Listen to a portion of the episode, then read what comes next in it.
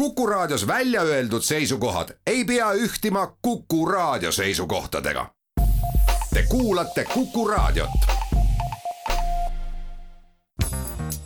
järjejutt. Karl Hermann Hesse, tema peab kasvama, mina kahanema. Paide maakonnaarsti mälestusi Loomingu Raamatukogult. järjejutt. torpat. Kui päike tõuseb, tervitavad teda kõrged katuseviilud, linnatornid ja terve see metsaga ümbritsetud toom ühes Maria kiriku varemete, raamatukogu, kliinikumi, anatoomikumi ja tähetorniga. kõige enne püüab taevavalguse kinni ülikool nii armastusväärselt kui selle kõrge kooli palee ühes Alma Materi aula ja neitsiliku kirikuga linna ka ei valitseks, asetsevad nad alandlikult ühes sõbraliku linnaga orus Embachi ääres, mis aeglaselt ja mõnusalt kahe silla alt läbi voolab. kuuletudes Katariina teisele, kes laskis sunnitöölistel ehitada ilusa graniitsilla ja kivisse uuristada jõgi ohjelda siin oma voolu Katariina teise käsul. linna kallastel kulgeb pika kitsa ribana noorusest tulvil kõrge kool ning edenevad kaubandus ja käsitöö ning elavad jõukalt linnakodanikud. turu ääres seisab kena hõbedase torniga ja õiget aega näitava linnakellaga raekoda. platsi mille lõikab läbi Aleksandri tänav ja mis on kõige ilusam, kaunistavad soliidsed hooned, gümnaasium, postkontor, tütarlastekooliga linnamaja, vana ülikool, hotell London, nägus plats Barclay monumendiga ja suur kreiskool. kui päike kõrgemale tõusis, paistis ta ülemistele korrustele sisse ja otsis üles peeglid ja seinapildid ja maalis kõik purpurkuldseks. siin ärklitoas, aknad ida poole, me elasime ja olgugi, et tuba oli madal ja ilma kaunistusteta, värvusid selle valged seinad ometigi roosaks ja igal hommikul pühitses siisike puuris lauldes oma sünnipäeva Peterburi tänava ääres seisis lähestikku kolm maja. nüüd on need elegantsemad kui varem.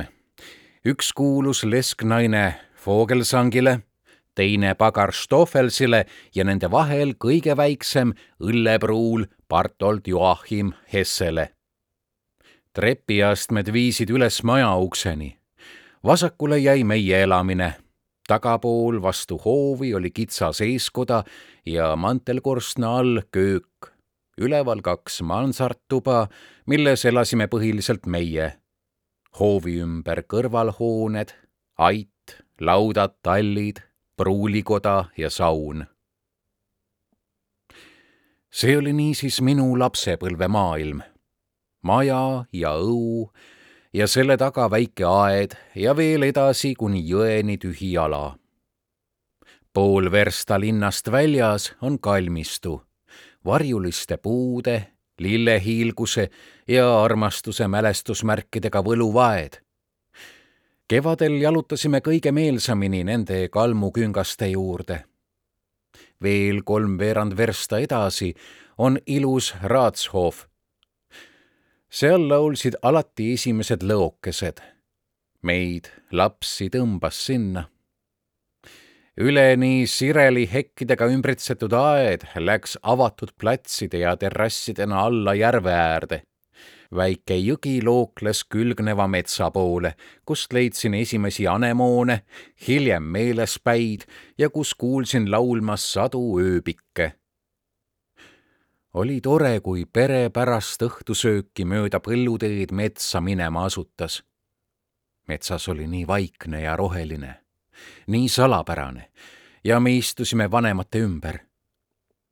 suurte kaskede all oli laudputka, nagu neil laatadel püsti pandi ja see kuulus meile.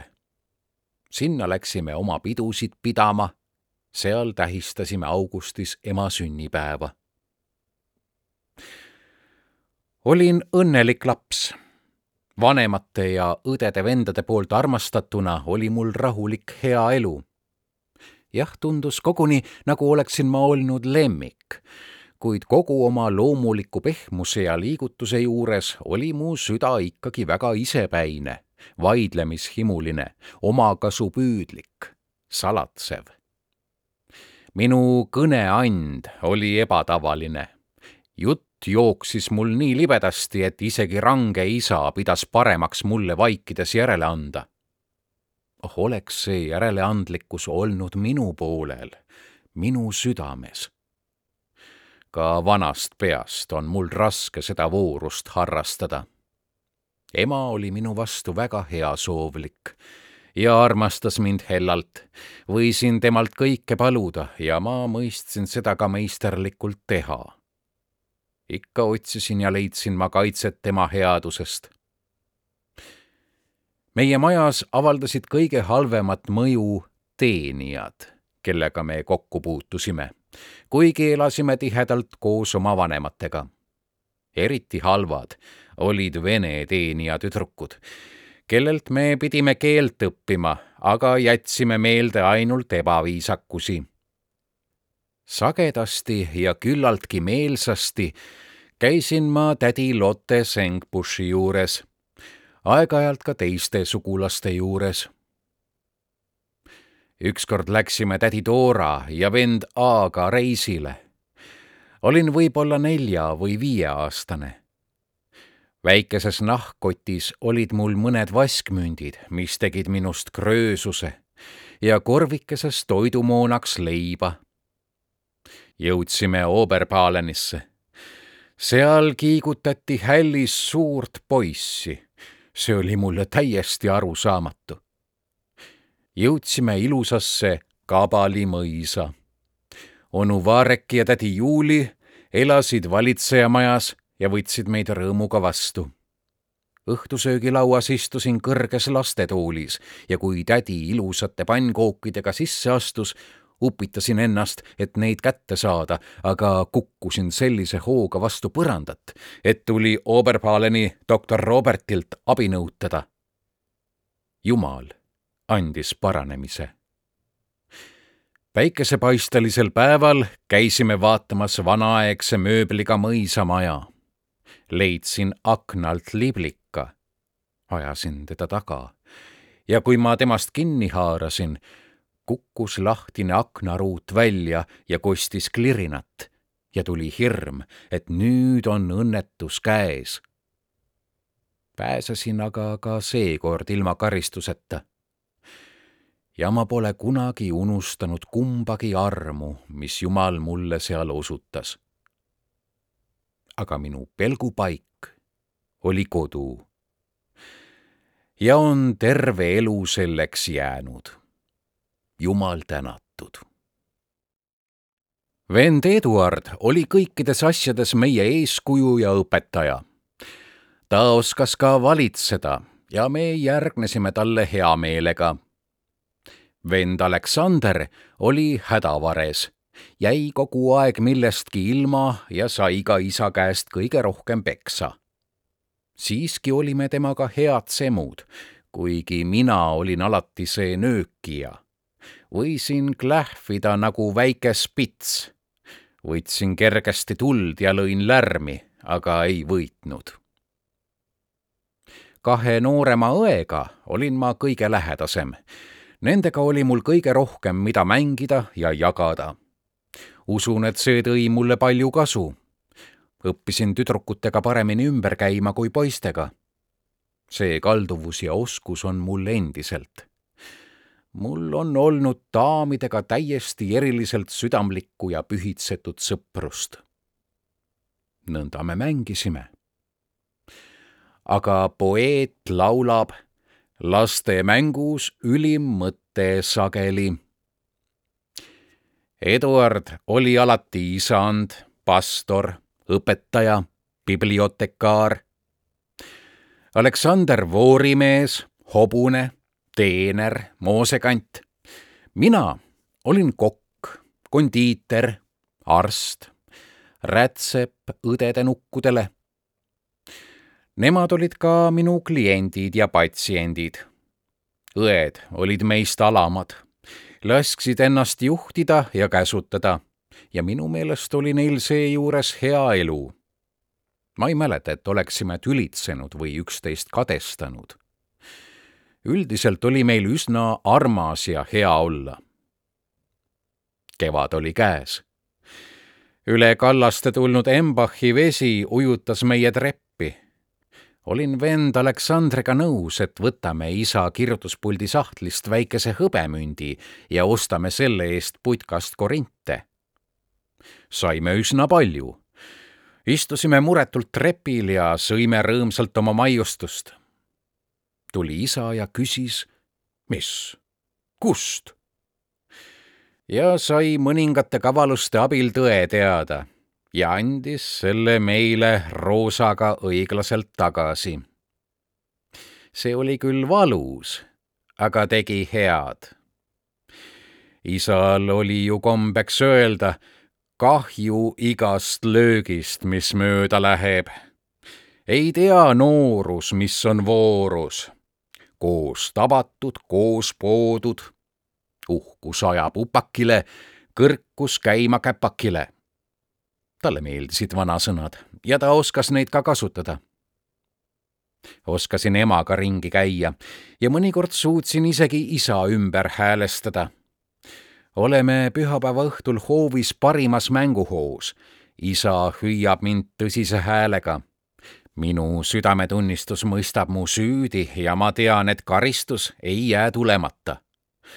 aga mina tantsin paludes ja rõõmsalt edasi isa ajab mind taga ja kuigi seal on väga kitsas, ei õnnestu tal mind kinni napsata. see komöödia ajas kõiki naerma isa liibus täielikult. mina olin võitnud. Ema oli see, kes juhatas meid kristlikku tunnetusse. tema armas leebe viis leidis alati mõistmist. lapsepõlves oli minu evangeelium Joosepi lugu. selle kuulamisest ei saanud mul kunagi küllalt ema jutustas seda ikka ja jälle eriti õhtul magama minekul. minu koht oli ju alkoovi suure voodi alutsis. Üks teine lugu pigistas mul sageli silmast kuumi pisaraid ja läks sügavale südamesse. see oli lugu puudlist, kes tahab juhtida isanda tähelepanu kaotatud rahakotile seejuures järjest rohkem erutudes ja pealetükkivamaks muutudes kuni isandal tuleb mõte, et koer on marutaudis ja laseb truu looma maha. see oli minu südame jaoks liig. Peitsin pea ema sülle ja see ilus lugu liigutab mind veel praegugi ja teeb kurvaks. igatahes ei pea ma neid pisaraid kahetsema. Need olid kõva südame sulatamise armuveed väga tähtsad olid meie elus sünnipäevad ja õndsad jõulupäevad. jah, ma tahan väita, et püha Kristus oma sära ja rohelusega, oma rikka õnnistusega kõigele, mida hing ihaldab, oma meeli ülendava rahulduse pakkumisega on olnud mulle see jutlus, mis on andnud mulle usu Jeesusesse Kristusesse. meie lapsed oskasime isekeskis väga hästi mängida. onu Kristjan lõikas meile mängukaartidest välja väga ilusaid asju. Olime nendega mängides leidlikud, õppisime ka ise välja lõikama ja oma mängumaju möbleerima ükskord pühapäeva hommikul, kui vanemad olid jumalateenistusel, mängisime kirikut. tegime seda uhkelt küünalde ja dekoratsioonidega siis süttis alkoovi kardin ja tuli pääses lahti. aga samavõrd, kui olime olnud kergemeelsed ja ülemeelikud, oskasime nüüd, kui vaja, julgelt käituda. jumala abiga saime tulekahju kustutatud ja leidsime armu ka vanemate juures. meie pool käis tihti üks valges juuksurihõlstis parukategija, kamm nööppaugus. ta andis mulle hüüdnime, millega ma hea meelega leppisin. väike kirikuküünal. Sain selle seetõttu, et mul oli kiriku vastu lausa kirg isegi talvel nurusin, et ema võtaks mu kirikusse jumalateenistusele kaasa, mis tähendas sagedasti ka külmetamist ja kurvastamist. suvel oli parem. siis viis isa mu üles koori peale oreli juurde, kus ma küll natuke aega orelist rõõmu tundsin, kuid peagi ka igavuse käes kannatasin hiljem viis isa meid usuõpetuse tundi. pühapäeva pärastlõunati pidas vana pastor Lents lastele katekismuse jutluse ja kogus meid siis kiriku pealöövi kahte ritta kokku, paremal poisid, vasakul tüdrukud ja esitas siis meile lahkelt ja õpetlikult küsimusi oma jutluse kohta. meile meeldis see väga ja ma omandasin juba esimeses nooruses sügava aukartuse kiriku ees, mis on mulle mitmes mõttes kasuks tulnud väikeses erakoolis, mida pidas üks vana Radlofi nimeline kreisiõpetaja, pidin ma saama ettevalmistuse kreiskooli astumiseks. Radlov oli tubli, armas mees, kelle ees tundsin aukartust, mida tädi Doris, kes meid kodus õpetas, polnud suutnud meis tekitada. on väga tähtis, et laps õpiks algusest peale aukartust tundma me peame Jumalat kartma. selle on issand läbimõeldult kõige ette seadnud. armastus peab hirmu minema peletama, aga au ja aukartus peavad jääma. Siis on kuulekuse ike Jeesuse ike ning muutub kergeks. siis läksin Kreis kooli kus tertsias oli vähemalt nelikümmend poissi.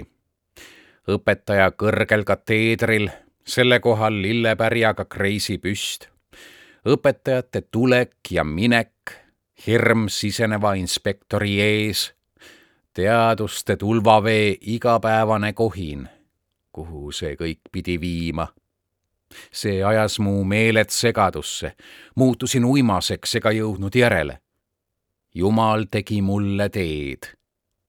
meile asus elama üks teoloogia studioosus, härra Gottlieb Joersen, ilus, tugev brünett mees. isa palus tal mind õpetada.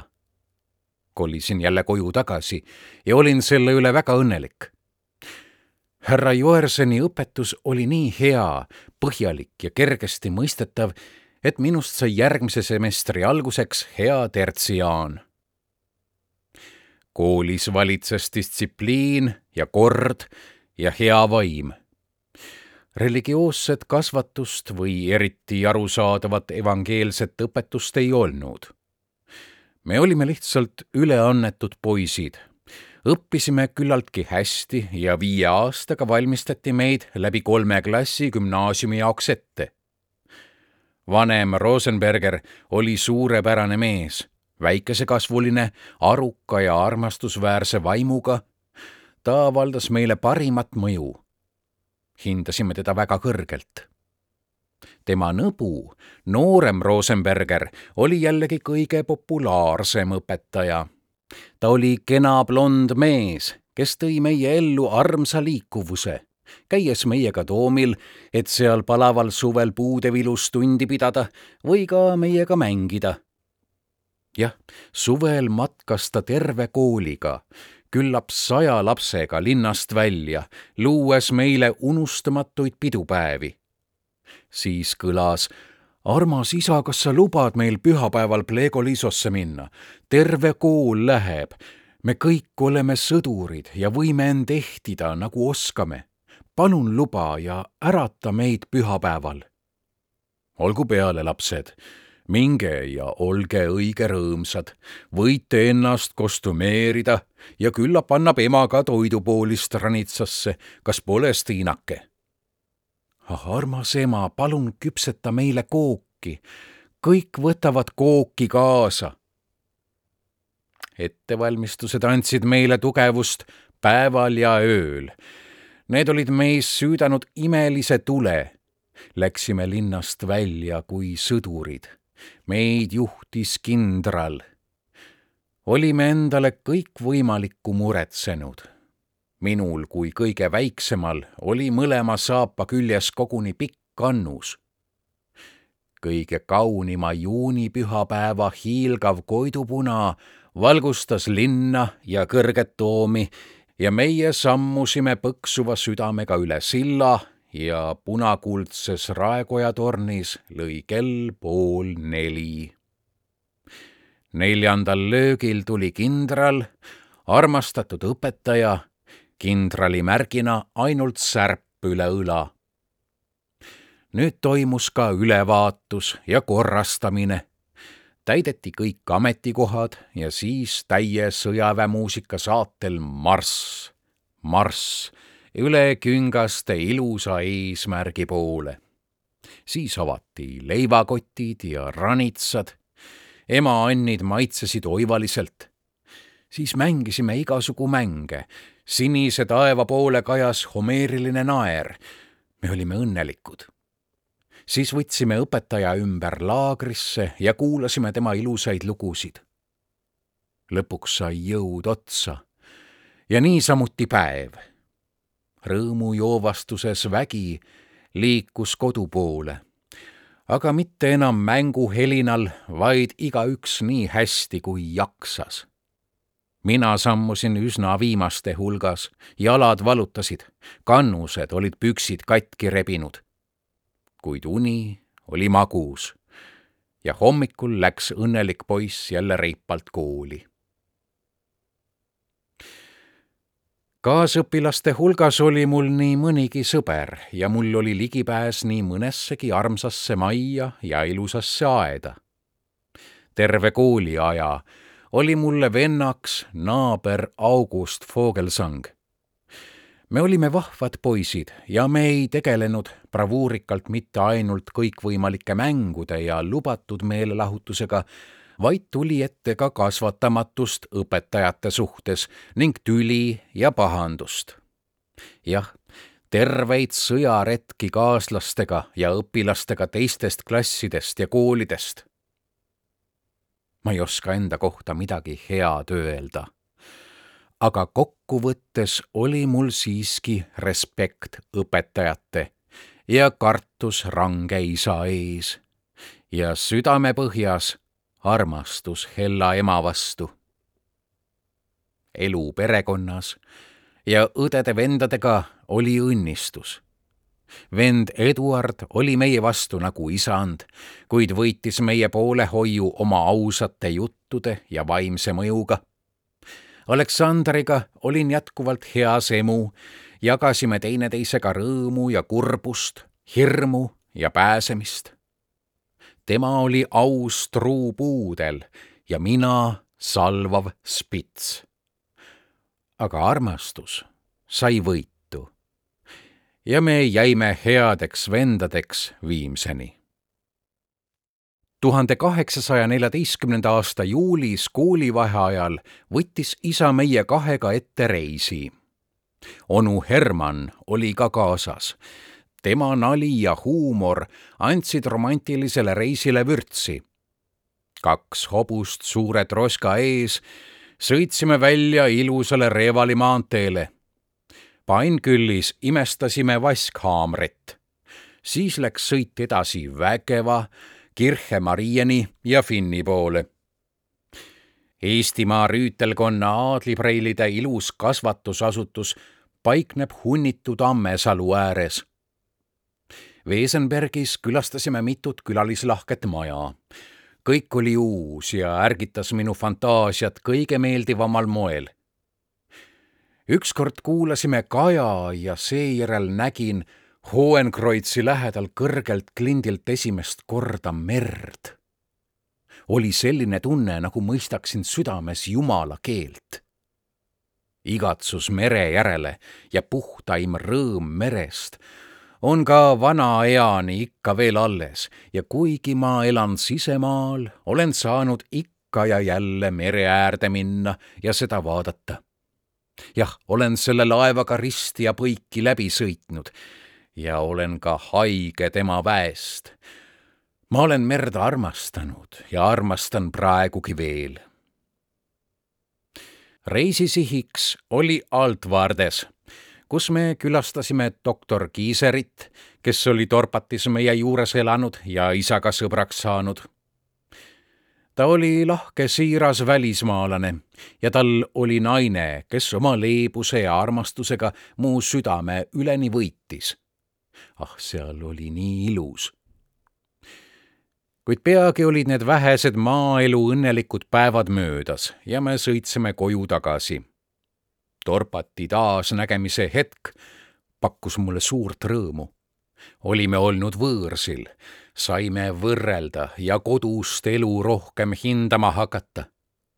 see oli tähtis sündmus ja tegi mulle palju head. üks teine reis mööda Embachi allavoolu kuni Peipuse järveni välja, mis oleks samuti kirjapanekut väärt, tõi mulle palju vähem kasu kuna isikud ei kõnetanud mind nii väga. Mul on alati olnud kalduvus end täielikult siduda korraga ühe inimesega. Ja ma olen neid sõprussuhteid hoidnud ja nautinud, mistõttu olen nii mõndagi tarka ja kasulikku tähelepanuta jätnud. Naabrinaine Vogelsangi juures elas üks üksildane proua von Soegel, neiupõlve nimega von Reutz oma kolme pojaga. Ja nemad olid minu kamraadid. Vahetevahel mõnikord ka päevadeks ja nädalateks tuli selle tädi juurde keegi preili Minna Roits. ta oli kuvernant, ilus kurb daam ja talle tegi rõõmu meie poistega mängida ja naljatleda. peagi olin ma talle tema armas Karl ja mu süda armastas nii kõvasti ja ma nägin lõpmata palju vaeva, et preilile meeldida ning teda teenida. ja jõudsin tõesti nii kaugele, et sain oma maalitud lihavõtte muna eest, mis ma talle kinkisin, musi, mida ma ei unustanud ja väga kõrgelt hindasin. jah, ma andsin talle suudluse vastu, küll kaheksa, kümme aastat hiljem ja üksnes põgusas valulikus pilgus. Seisan üliõpilasena oma akna juures. Läheneb ekipaaž, vaatan seda ja lahtise kalessi nurgas näen ma jälle oma minnat. kahvatut, armetut. kõik on kahvatunud ja kadunud. igaveseks keegi oberst Helfreicht on ta naiseks võtnud. Ilmselt polnud vaesel neiul pääsu.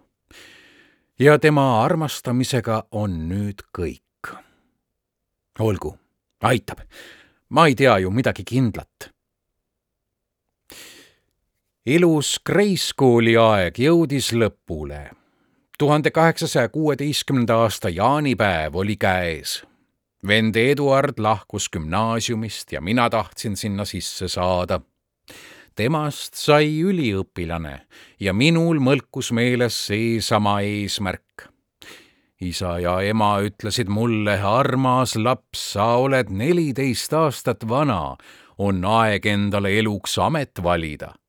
me oleme vaesed me ei tea, kuidas me Eduardi ülikoolist läbi saame. sul tuleb otsustada ja meistri juurde õppima minna.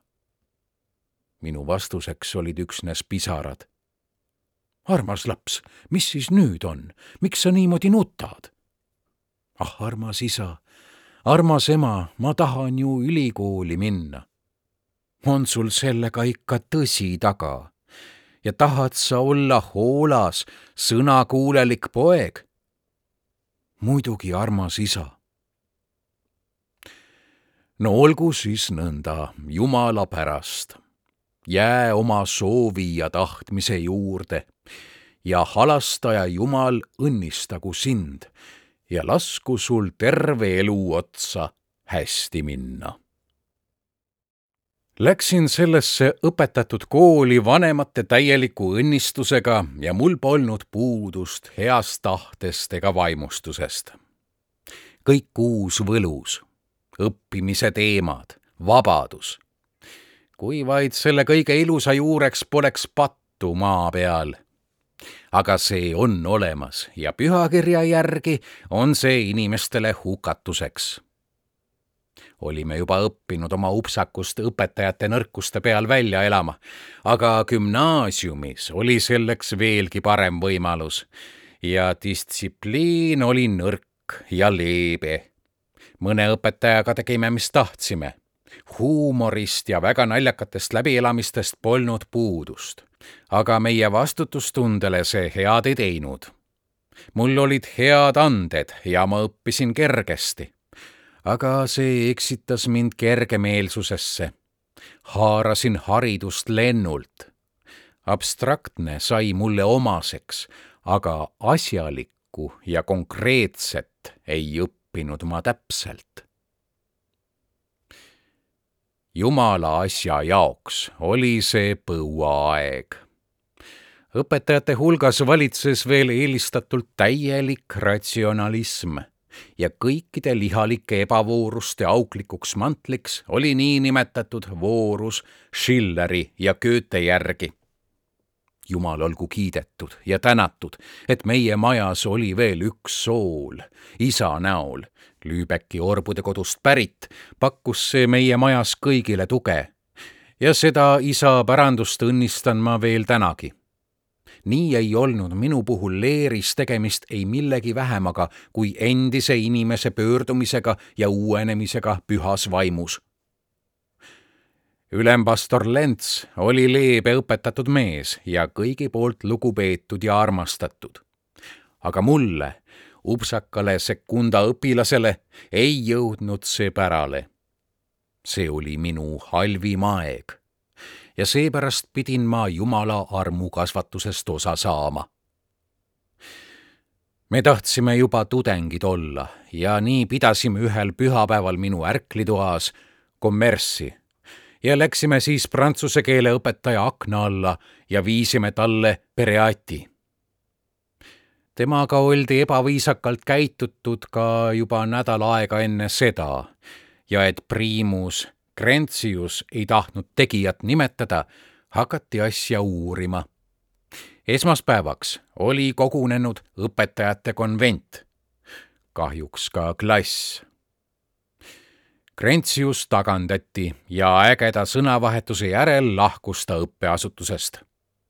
valiti uus priimus ja teine ja kolmas, aga keegi ei võtnud seda posti vastu Nad tagandati ja revolutsioonilises meeleolus lahkusid nad koolist. järgnes politseiameti uurimine. otsus kõlas, et ässitaja pidin olema mina, kuna kommerss oli aset leidnud minu juures. mind pandi kaheteistkümneks päevaks kartserisse.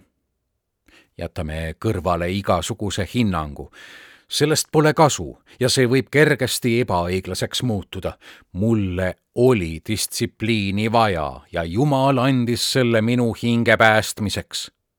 ma sain hea toa, oli talv, tuppa tuli ka valgust, aga nõnda, et mina tänavale ei näinud. üle päeva sain kodunt süüa iga päev külastas mind õpetaja Rosenberger, kes oli nüüd gümnaasiumis kedagi muud ma ei näinud. laud, tool ja madrats olid minu mööbel ja piibel minu raamatukogu. sellega olen aga rutanud ajas ette ja pean nüüd tagasi minema. tuhande kaheksasaja seitsmeteistkümnenda aasta hilissügisel haigestusime kolmekesi närvipalavikku Jette lamas all, Eduard ja mina üleval ärklitoas ja õde Liina oli meie hooldaja. meie paranesime ja saime terveks. aga siis heitis see Inglist õde Liina haigevoodisse surema. ta lahkus siit ilmast jõuluajal olles enne seda selge mõistuse juures kõikide armsatega hüvasti jätnud. jumal võttis ta oma poja juurde, kellest ta nüüd rahu leiab, aga meile oli see suur valu. see murdis meie kõigi südame. eriti võis seda märgata ema ja isa juures Liina oli olnud meie perekonna lemmik ja kroon. õhtuti Krummacheri kirikulaulude laulmisega meie looke. tema kirst sängitati kabelisse ja alles kevadel mulda. seegi oli väga sügava mõjuga hetk. kui argielu vaikis, voogas meist läbi armastus ja lähendas meid üksteisele.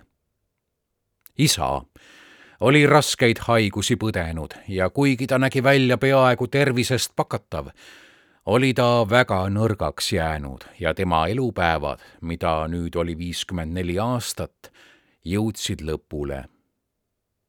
mind leeritati tuhande kaheksasaja üheksateistkümnenda aasta lihavõtete ajal. olin kerge lõbus kamraad siiski mõistsin peeneid südamevõnkeid, mida Jumal tekitab selleks, et teha meie süda kindlaks usus, mis maailmast jagu saab.